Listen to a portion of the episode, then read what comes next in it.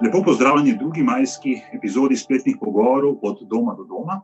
Moja današnja gosta je gospa Lidija Jerkič, predsednica Zveze svobodnih sindikatov Slovenije in sindikata kovinske in elektroindustrije Slovenije ter svetnica v Državnem svetu Republike Slovenije. Gospa Jerkič, pozdravljeni. Lep pozdrav. Eh, že pred izbruhom te eh, epidemije koronavirusa ste sindikati upozarjali na kršitve pravic delavcev predvsem najbolj ranljivi, kot so recimo prekarci.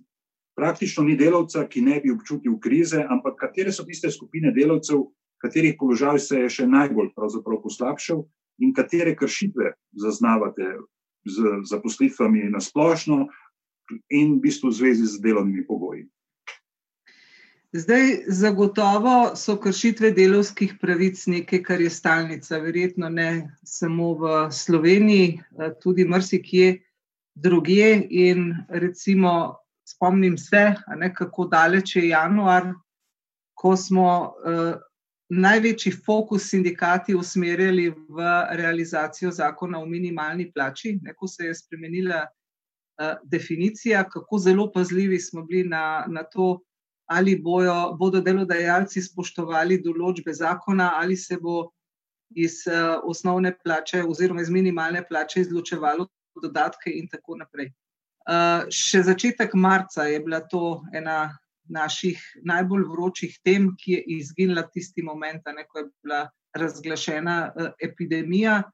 In zdaj, če pogledamo nazaj, dva meseca je, ne, danes točno uh, od uh, takrat, lahko samo ugotovim, da vse tiste oblike dela, na katere smo opozarjali leta nazaj, ne, te negotove oblike zaposlitev, te skrivne oblike zaposlovanja, te uh, izbirne oblike zaposlovanja, tudi včasih za koga, uh, so se izkazale v roku enega meseca kot povsem neustrezne. Če bi, pogled, če bi šli pogledati rešitve, ki so jih prinesli koronski zakoni, ne trije so, potem lahko ugotovimo, da je bilo na nek način najlažje urediti status delavcev zaposlenih za nedoločen čas pri delodajalcih. Eh, institut začasnega čakanja na delu doma, ki ga plačuje država, eh, plačani prispevki za eh, pokojninsko zavarovanje, so bili za te delavce na nek način ne bom zdaj rekla, da so bili zadostni. Seveda so se pojavljale stiske, ker so bile plače zaradi tega nadomestila nižja, ampak še vendarle je bilo tveganje za te delavce bistveno manjše kot za vse tiste ostale skupine, ki smo jih potem lahko spremljali skozi zakonodajo. Uh, ugotovili smo, da imamo vrsto delovnih razmer, uh, ne delovnih razmer, oblik dela, ki morda zagotavljajo preživljanje iz meseca v mesec, ne ustvarjajo pa nobenih zalog. Vse oblike, ali pa večina oblik uh, SP-jevstva, uh, potem uh, zlasti skupine mladih, ne, ki delajo v različnih oblikah, tudi preko študentskih uh, servisov, tistih za določen čas, tistih, ki so že bili na zavodu za zaposlovanje. Tisti, ki živijo na tak ali drugačen način od avtorskih pogodb, honorarnih zaposlitev, začasnih ali občasnih del. Skratka, v tistem trenutku, ko je dotok dela in denarja prekinjen, so to skupine ljudi, ki nimajo več za življenje. In pravim, da je virus naredil neko vrsto raziskave prekarnosti v Sloveniji. Naša naloga je, da čim prej ne, dobimo analizo teh podatkov, zdaj jih imamo prijavljene na Zavodu za zaposlovanje, evidentirane vse oblike imamo. Ne da naredimo analizo, ugotovimo, kje so pravi razlogi, čeprav jih verjetno slutimo, in jih spravimo na isti imenovalec. Eh, ljudi je treba zaposliti redno, a ne tisti, ki pa želijo opravljati na nek način uh, delo, ki je bolj fleksibilno. Tudi take, seveda, imamo, pa če nič drugega, treba vse oblike enako obdavčiti. Ta izbor, koliko stane in koliko komu ostane od upravljanja dela, je tudi eden od razlogov, da se spuščamo na zelo majavo področje. Mhm. Voda mladim, recimo, tudi nam je verjetno bilo pri 30 letih vseeno, kaj bo z našimi pokojninami čez 40 let, ampak potem, ko si pa 40 let pametnejši, pa ugotoviš, da mogoče ni slabo skozi celo življenje, ne vrčevati za pokojnine, biti stabilno zdravstveno zavarovan, ker se nam tudi lahko kaj zgodi. Zato mora v bistvu poskrbeti sistem. To ni, ne more biti odgovornost posameznika, ne, zato mora poskrbeti sistem, in v tem delu smo precej šipki. Ja, zdaj pa, če greva še na širše zadevo, tisto, tisto, kar je jasno iz te krize, je, da bo proizvodela strašno gospodarstvo. Ne?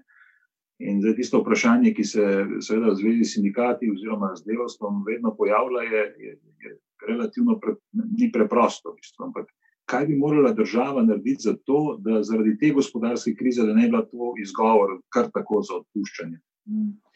Zdaj, vprašanje je preprosto, samo odgovor ni zelo preprost. Uh, vedno, vedno, uh, pa če si še tako prizadevamo, prevladuje ekonomski interes. Ne vem, če, če, če smo kjerkoli ne, našli način, kako uh, kapital prepričati, da bi bil ekonomsko manj krut ne, in da bi bil socialno bolj pravičen. Uh, Tisto, kar seveda lahko država v tem trenutku stori, je, da prepreči odpuščanje v čim večji meri, vsaj tam, ne, kjer ni zelo velikih namenov odpuščanja, pa bo morda ekonomska situacija to zahtevala. Uh, pokazalo se je že v teh dveh mesecih, a ne zlasti določene panoge, ponavljamo, ne gostinstvo, turizem, uh, promet, prevozništvo. Uh, tudi v predelovalni industriji so uh, področja, ki se še niso zagnala, ne, ki enostavno čakajo na povpraševanje, in uh, ni od njih odvisno, kdaj se bo to povpraševanje začelo, odvisno je od mrsičesa. Slovenija je v 90% izvoznik. In dokler ne zaženejo podjetja, kamor, uh, oziroma uh, države, v katere izvažamo, ne ostane drugega, kot da se dela na nekih minimalnih obratih, zato da se dela morda na zalogo, ampak kar nekaj velikih podjetij v Sloveniji še vedno stoji. In tu ni velike izbire, če se obnašaš zelo ekonomsko. Zato pozdravljamo te spodbude prvič v smeri plačanega čakanja na delo doma. To je odtehtalo da, da se ta številka, ki, je, ki se vrti okrog 250 tisoč, to je tretjino aktivne slovenske populacije, je uradno na čakanju na delo doma, da se to ni preselilo na Zavod za zaposlovanje. Pričakujemo, da se bodo ukrepi za določene panoge ali pa za vse podaljšali.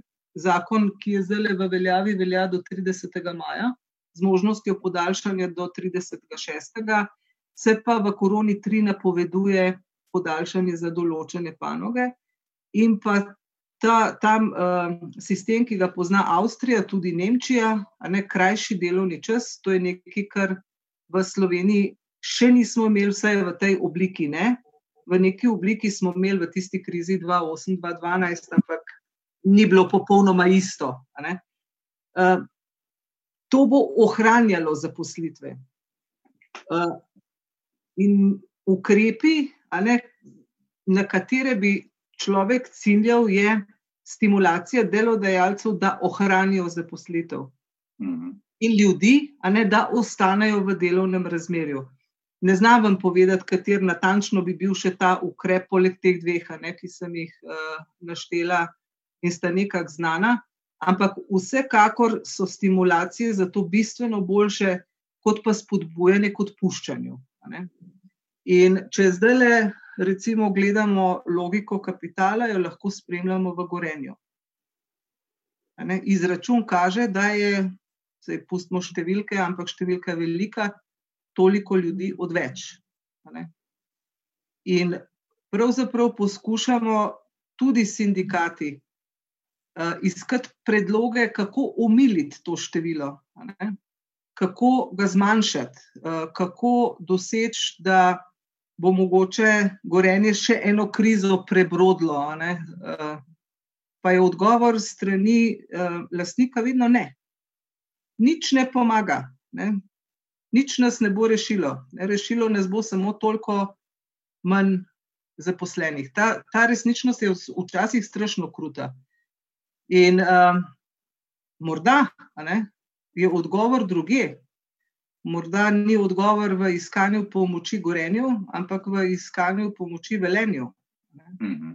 Morda pa je odgovor v iskanju uh, kakšne nove naložbe, ne, ki bo morda tudi za bivše delavce gorenja zagotavljala večje plače zdaj malo sanjam, ampak uh, včasih ne, je držanje, držanje za bilke ne, v, v podjetjih, ki ne prinašajo. Zdaj, če se bomo spomnili Gorenja, Gorenje ima dolgo tradicijo. Ne bili bi krivični, če bi rekli, da ni bil paradni konj. Bili bi krivični, če ne bi rekli, da so cele generacije slovencev dočekali ten pokoj. Ne. Uh, bili bi krivični, če ne bi rekli, da niso poskrbeli za svoje zaposlene, ampak na neki določeni točki je šlo z gorenjem samo še navzdol. Ne, in ni več pomagalo nobeno, nobene uh, injekcije državnega denarja, nobene pomoči, ne šlo je samo še navzdol. In šlo je tako zelo navzdol, da gre še vedno navzdol. Ne, kljub novemu lastniku uh, se stvar ni nič kaj bistveno popravila. In ljudje so v zadnjih desetih letih ne enkrat, večkrat so stali na kapi in zahtevali večje plače, bili prepričani, da so oškodovani, da zaslužijo več, ne, ker so bili pridni, prizadevni in lojalni. Uh, ampak morda je zdaj priložnost, da kje druge zaslužijo več, ne, da ne ustrajajo več na nizko plačenih zaposlitvah. In tukaj je vloga države. Mm. Omogočiti, da rata velenje je zanimivo še za koga drugega, ne samo za Hajsens. Yeah. Ja. Uh, tako da lažje je reči, verjetno, kot narediti. Ampak so stvari. Seveda, uh, to potem zahteva nekaj inovativnosti, ne prilagajanja, nekaj idej, zagotovo.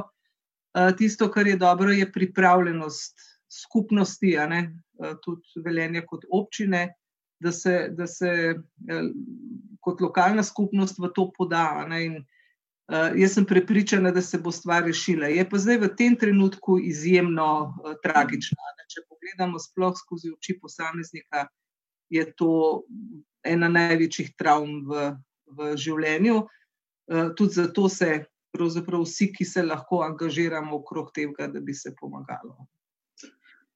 Če se vrnem nazaj, odpuščanja bodo vedno, uh, tudi.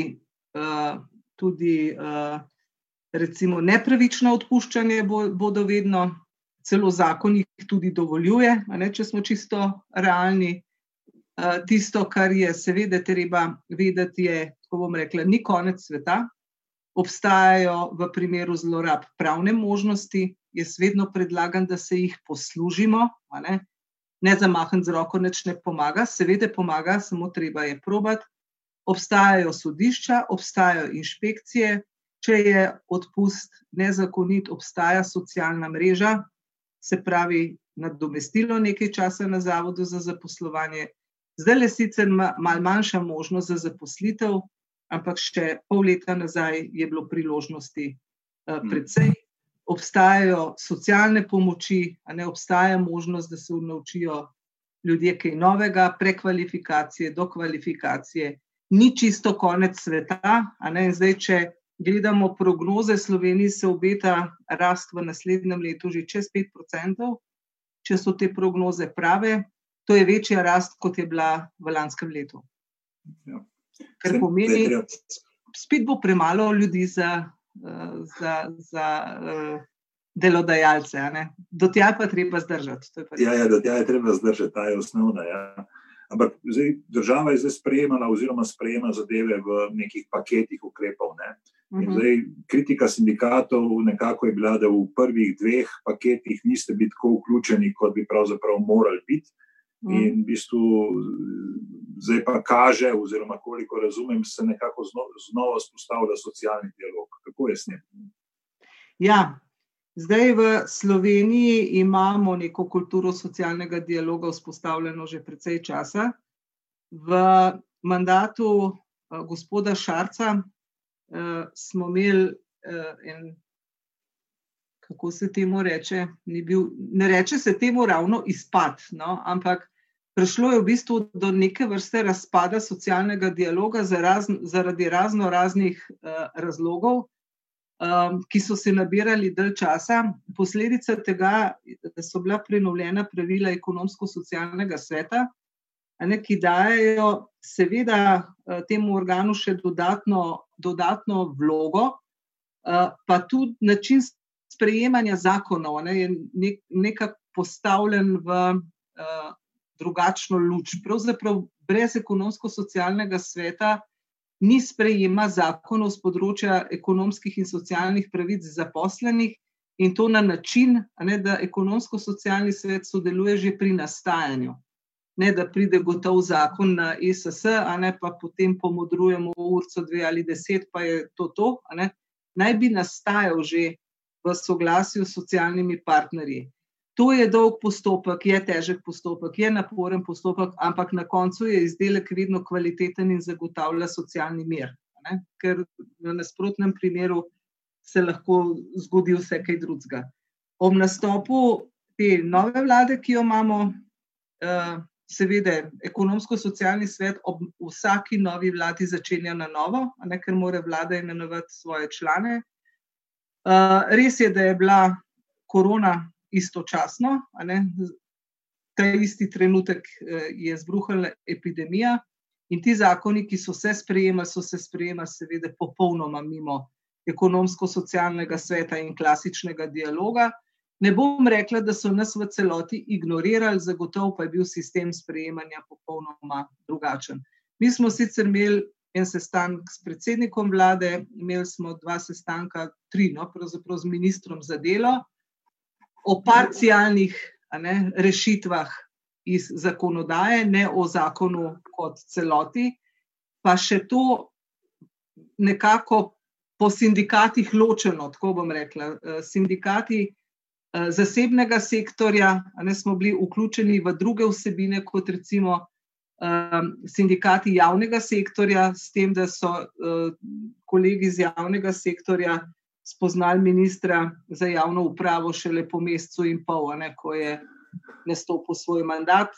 Moram reči, da srečanje ni bilo preveč prisrčno, pa debata tudi ne. ne.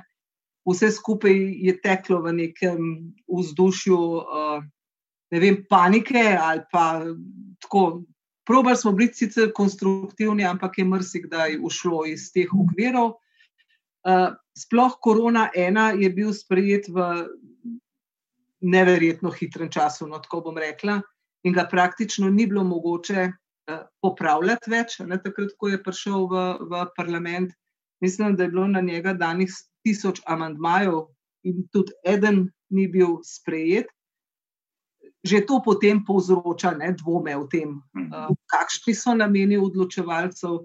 A res mislijo resno, da bojo še kaj popravljali, ali bomo sploh ne, prišli do, do, na nek način do vsebin, ki so bile pomembne. No, korona 2 je marsikaj iz korone ene popravil. Naredil je pa neverjetno zmedo. Mi smo v enem mesecu, pa pol, dvakrat popravili prvi zakon, enkrat popravili drugi zakon, ne, zdaj ne vem. Uh, bili bi potrebni še popravki, verjetno, tretjega zakona, pa ne vem, če, se, če, če bo še kdo posegal v to. Ne. Ta korona, tri, ki se zdaj pripravlja, je že v bistvu reševanje situacije v tem trenutku, pa za nekaj mesecev naprej, ne, ne več za nazaj. Zdaj, uh, rešitve so bile, kakršne so bile. Vključenih je bilo uh, veliko število ljudi, ne milijon dvesto, pravijo, uh, je upravičencev iz te, te zakonodaje. Je pa tako, ne, uh, kot pri povabilu na poroko. Ne, ko začneš vabiti veliko število ljudi, zagotovo pozabiš nekoga, ne? zagotovo pozabiš tistega, ki ti bo delal največ težav na koncu. Ne, ne mogoče je bilo, sploh s tistim, ko smo začeli, ko so, mhm. ko so vznikale kategorije različnih ljudi, ki jih niti, na katere nisi niti pozoren. Ne? Ne mogoče je bilo na koncu uh, obseči vse. določiti sistem, ki je pravičen. Kogarkoli zdaj vprašate, ni, ni prav. In uh, med tistimi, ki niso bili upravičenci, je zagotovo še kar nekaj takih, ne, ki bi verjetno tudi lahko bili. Ampak težko, težko je zdaj za nazaj reči, da se to da še popravljati, popravljati ali ne. V končni fazi bo pa zakon skoraj malo nehal veljati. Ja, in okay, ta korona tri je vsaj, ali pa ta, ta ukrep gre vsaj mičke naprej, ne, ste rekli. Ampak mm. še ena taka stvar, ki je relativno v bistvu tak detalj. V bistvu sami ste, v bistvu, ministru za zdravje, v bistvu, pač naslovili poziv, da bi tudi samo korono za zdravstvene in nezdravstvene delavce uh, razglasil za poklicno bolezen. Uh, oziroma, če se seveda z njo okužijo ljudje na delovnem mestu. Je bil tukaj kakšen odziv? Je kaj tle? Ker vem, da ta trenutek tudi v Evropi uh, se pogovarjamo, kako jo bomo klasificirali, kam spada. Ja, Tale stvar zahteva stavek ali dva več. V prvem tednu korone uh, smo iz Zveze svobodnih sindikatov vsak dan, ampak vsak dan, bombardirali Ministrstvo za delo, Ministrstvo za gospodarstvo in Ministrstvo za zdravje, da naj vendarle ukrepajo uh, na ustrezen način in določijo, kako varno in kje je varno delo v eh, tovarnah. Imeli smo mhm. situacijo, ko, ko smo bili vsak dan bombardirani ne, strani, uh, strani vlade o tem, ne, kako moramo paziti na to, kako moramo paziti na to. Ne odhajate v doma, ne odhajate v trgovine, doma se držite na razen. Najbolj bi bilo, da bi vsak v svoji sobi sedel. Ukinjen je bil javni prevoz, v tovarne so pa kar hodili. Ne. In ljudje so bili Eh, prestrašeni. Ljudje so izvajali strašen pritisk na to, da se tudi tovarne vse ustavijo. In te odločitve ni bilo. In po, po te dopisi, te zahteve, no, apeli, vem, pozivi, so se stopnjevali in nekje v sredo, ne, od ponedeljka naprej. In nekje v sredo smo se skoncentrirali na Ministrstvo za zdravje. Ne že kar nesramnimi apeli, na kar smo ugotovili po povratnih informacijah, da mi že lahko iz, zdaj rekla, z baze, ampak kolegi ne, so klicali. Vi že lahko rečete, da ne kličemo medicino dela, se ne delajo. Ne. Medicine mhm. dela so bile prvi teden zaprte. To so institucije, ki jih mora delodajalec poklicati in morajo delodajalcu povedati, kako ne ravna. Ne ko se je to potem sprožilo, nekako, ne, so se tudi sprejemali ustrezni ukrepi. Tako da varnost in zdravje pri delu sta bila v prvih 14 dnevih zelo vprašljiva. Na srečo se marsikje ni nič zgodilo, ali pa se ni zgodilo, vem, da bi bilo kaj podobnega zavodom za starejše občane. Ne. Mhm. Uh, Dobro, tudi populacija je nekoliko mlajša. Nekako se ni zgodilo nič tragičnega, lahko bi se pa. In v tistem okviru smo mi takrat na Ministrstvu za zdravje naslovili predlog, da naj se ta bolezen opredeli kot poklicna bolezen, če nekdo v službi zboli, ne sploh zdravniki, medicinsko osebje, oskrbovalci v domovih za starejše in tako naprej. No, to, da odgovora ni, ne, ni treba kaj posebej prepovedati.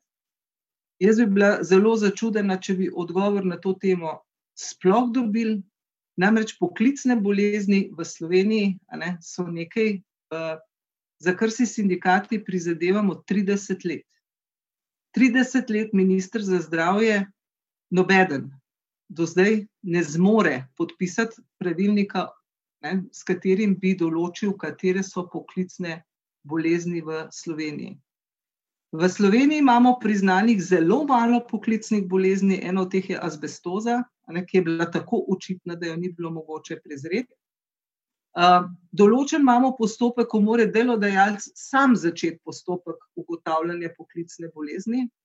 Povejte mi, kjer Nord pa bo začel to. Na koncu bo pa plačeval odškodnine za to, kar je povzročil poklicne bolezni. In v Sloveniji nimamo ne sistema, nepriznanih poklicnih bolezni in ne volje nobenega aktualnega ministra, da to spremeni. In zato je bil apel, ne, da COVID vključijo kot poklicno bolezen, že na pol provokacija. Je pa res, da Evropa je COVID pripoznala kot poklicno bolezen. Pri nas ne, pa, je pa šlo ven navodilo Zavoda za zdravstveno zavarovanje, je pa to poškodba pri delu. Ne, če zdravnik zboli za COVID-om, je to poškodba pri delu, ima sicer priznano 100-odstotno bolniško, ne, ampak poklicna bolezen pa to ni. Tako da poklicne bolezni, zdravje pri delu, medicina dela, ne, to je nekaj, kar smo si zapisali v zvezi v Črnobuklo. Uh, ne, tudi to, da je medicina dela sprivatizirana, da to ni javna storitev, ne, da je odvisno od tega, koliko denarja daš, ne, da dobiš en konček zdravja. Uh, da imamo sicer predpisov uh, toliko, da se ta le vaša umara, ki jo imate za hrbtom, ravno približen na pol, da je vse skupaj nepregledno, in da, da človek niti ne ve, kaj mora upoštevati. Tudi to je COVID pokazal. Ne. Hmm. Področje, ki je črna lisa in ki ga je tudi treba, poleg prekarnosti, smo že rekli, da je to ja. en kup, tole pa ta drug kup, ki ga je nujno treba urediti. In obakrat bo na nek način morala biti, ali pa bo pomoč tudi evropska raven. Ne? Ker v bistvu tudi tista schema, ne, ki se zdaj 100 milijard težka schema šur, ki je za začasno zmanjševanje ali pa skrajševanje delovnega časa. V bistvu upam, da ne bo odvezala komisija, da bi tudi kakšen dolgoročnejši instrument predvidel, ki bo v pomoč uh, temu, kar že države članice počnejo. Zagotovo bodo sredstva za take reči, bomo rabili veliko, ne se to, to vemo. Eh, tudi uh, samo sofinanciranje delovnega, krajšega delovnega časa, ne, to, kar ne bi bila mhm. osnovna, uh, osnovni namen šura, ne, bo zagotovo kar nekaj denarja terjal. Uh, jaz si tudi želim, da ga uporabimo kvalitetno, ne, ne samo za financiranje krajšega delovnega časa, da najdemo tudi neko kombinacijo z izobraževanjem, COVID je pokazal, kako zelo hitro lahko organiziramo delo drugače. Ne, in kako naenkrat lahko odpade kopico stvari, pa ne samo stvari, ne tudi kopico delovnih mest, pa ljudi. In uh, kako bodo praviloma odpadejo ljudje, ki nimajo teh veščin, ki bi jih lahko. Uh, izrabili ali pa uporabili za način dela.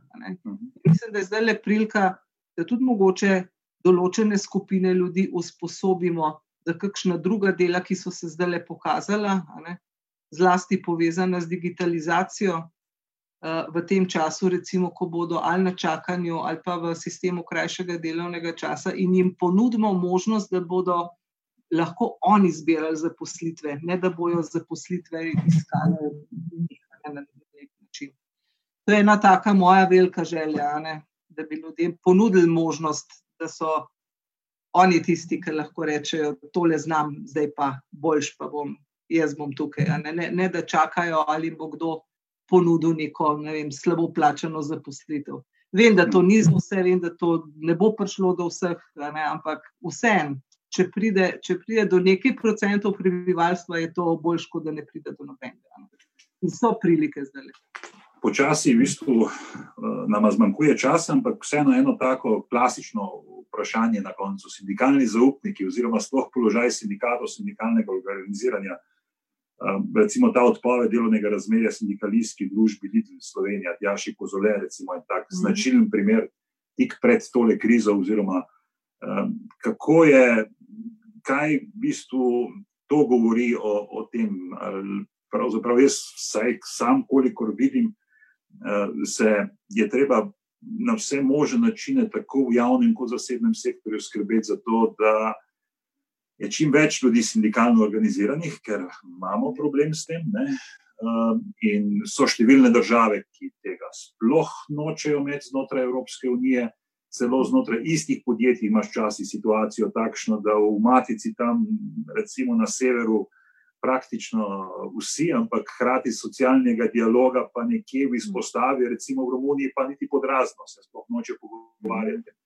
Prej, kako, kakaj, kako s tem? Mislim, da je od tega tudi bistveno odvisna v bistvu, prihodnost zastopanja dela. Ja, zdaj v, v Sloveniji smo nekako, uh, jaz mislim, da na točki preloma, no? Reci, recimo tako. Da je ena generacija je sicer vmes bila izgubljena, tista generacija, ki je bila še vedno prepričana, da pride vse samo od sebe, Ne, da itak eh, v Sloveniji veljajo vse, vse pravice, ne, ki so dogovorjene med socialnimi partnerji, vse tisto, kar sindikati izpogajamo v kolektivnih pogodbah, velja za vse zaposlene. Ne. In kar nekako udobno so se začeli ljudje počutiti, da uživajo v brezplačni vožnji, ne, da pač ne tisti, ki hočejo, plačujejo članarino, itak velja za vse, meni treba. Ampak korata odstotek ljudi, ki tako razmišlja, večji od odstotka ljudi, ki razmišlja drugače, začnemo zgubljati vsi. In zdaj mhm. začnejo zgubljati tudi tisti, ki plačujejo članarine, zato ker je moč vedno manjša. In na neki točki, že lansko in predlansko leto, je bilo opazno, da mlajše generacije, ne bom zdaj rekla, da masovno, ampak da vse so začele ugotavljati, da ta prekarnost je povezana z organiziranostjo. Ne, da če delajo sami, sami nič ne morejo. Če bi se povezali, so pa mogoče nekoliko močnejši. In se je začel ta občutek ne, potrebnosti po povezovanju povečevati. Tudi v lanskem letu smo v zvezi zabeležili kar nekaj novih organizacij po podjetjih sindikalnih, kar se prej ni zgodilo. V letošnjem januarju smo imeli novih članov 500. Ne, to To pomeni na letni ravni 7000 novih članov, to bi bila izredno lepa številka. Zdaj se je ustavilo, zato ker nimamo dostopnih točk. Če, če je vse zaprto, ljudem nima kdo pristopne izjave dajati. Na drugi strani smo pa v fazi ranega kapitalizma. In to, kar se je zgodilo z Tjašo, ne, je samo eden v vrsti preganjanja sindikalnih zaupnikov. V predlanskem letu smo imeli en tak primer v Kovino plastiki lož, zelo podoben. In mi imamo lepo zakonodajo, dokler jo ni treba uporabiti. Piše zelo lepo, ampak delodajalci se v teh primerih poslužijo v bistvu zavestne, nezakonite odpovedi to, kar so Tjaši napisali, ne, ne vem, na 36 straneh ali koliko obdolžitev. Mogoče bo ena celo zdržala, mogoče ne bo nobena, ne? ampak v končni fazi bo sodišče ugotovilo, da nadaljevanje delovnega razmerja med strankama zaradi porušenih odnosov ni več mogoče. Lidl bo plačal še nekaj denarja zraven za odškodnino, če ga ne bo plačal že prej, cilj je pa dosegel. In cilj jim je, da nimajo več nje. Cilj je za dost prestrašiti še koga drugega, da se iste stvari ne bo lotil. In cilj je pregnati sindikate iz podjetja, tudi če še tako na glas razlagajo, da nas imajo radi. Noben nas nima rad. Nimajo nas radi ne delodajalci, pa ne politika. Noben nas nima rad. To, to vemo. In uh, zaščito postaviti tako, ne, da bomo ubranili vsakokratnega sindikalnega zaupnika je silno težko. Uh, en od predlogov gre v smer, da bi bil odpust mogoč preko sodišča, se pravi, ne da delodajalec odpusti, pol se pa ti preganje z njim po sodiščih, da, da sodišče ugotovi, ali so razlogi za obstoj uh, razloga, oziroma če, če obstaja razlog za odpoved delovnega razmerja. To je čisto obrnen postopek. Uh mhm. Zdaj bo Tjaša izpostavljena prvič, nima nadomestila na zavodu, ker je to krivdni razlog, ker se je zgodil. Tožila se bo po sodiščih leto ali pa dve, v tem času je treba preživeti. Zato le grejo živci, zato gre ugled, ne zato gre mrsikaj gre. Uh, in na ta način zelo uspešno, ne, v bistvu strašijo ljudi. Veste pa, da, da so ljudje hitri, se umaknejo, ne, da, da so hitro ustrahovani, da imamo nek odnos do delodajalcev, da se jih bojimo, ne, se jim ne upamo reči. In mrsikdo tudi noče potem biti član sindikata, ker se mu lahko kaj zgodi. Tudi takih primerov, klicanih, izstopi iz sindikata, ker drugače pa je zelo veliko. Ljudi, mor, ljudi pa ne moš pripeljati pred televizijo in reči: Povej. Ja. Tako da, ja, pri sindikalizmu smo v ranem kapitalizmu, nas preganjajo, na zunaj je sicer lepo in fajn, ampak takrat, ko, ko pride do spora, se nas pa zelo radi znebijo na vseh nivojih. Ja, ampak hkrati, kar je vseeno dobro, da se vas vseeno še malo bojijo. Uh, kar je čisto ja. redo. Ja, to je čisto redo. Dokler je malo strahu pred sindikatom, še gre. In tako bom rekla, več kot nas bo, bolj se nas bodo bali. Naše bogatstvo so ljudje in tista, tisto mrmaranje za hrbtom, ki ga lahko samo ljudje dajo. Tega se bojijo. Zato, zato jaz vedno pravim, vabim vse v sindikate, uh, ker pa ni, ni treba potem njim upiti, ampak če se sluti mrmaranje za hrbtom, se pogovarjati bistveno lažje, bistveno bolj udobno, pa še hitreje grejo. Ja. Ja, prišla so do konca, gospa Lidija Jirkič. Najlepša hvala za vaš čas in za to, da so skupaj načela položaj, temo položaja in pravic delavcev, tudi v času, ki jo zaznamuje koronavirus. Posledice te krize bodo prisotne še dolgo in delavki in delavci bodo potrebovali močno podporo, da bodo vsekakor vsaj delno ohranjene njihove pravice. Verjamem in vem, da bodo dobili prav v sindikalnem gibanju tisto podporo, ki jo potrebujejo. Hvala lepa za pozitiven odnos, pa zanimiv pogovor. ja. uh, drage gledalke in gledalci, vas pa vabim, da se mi ponovno pridružite prihodno sredo, ko bo moj gost, akademski glasbenik in kitarist Primož Supič.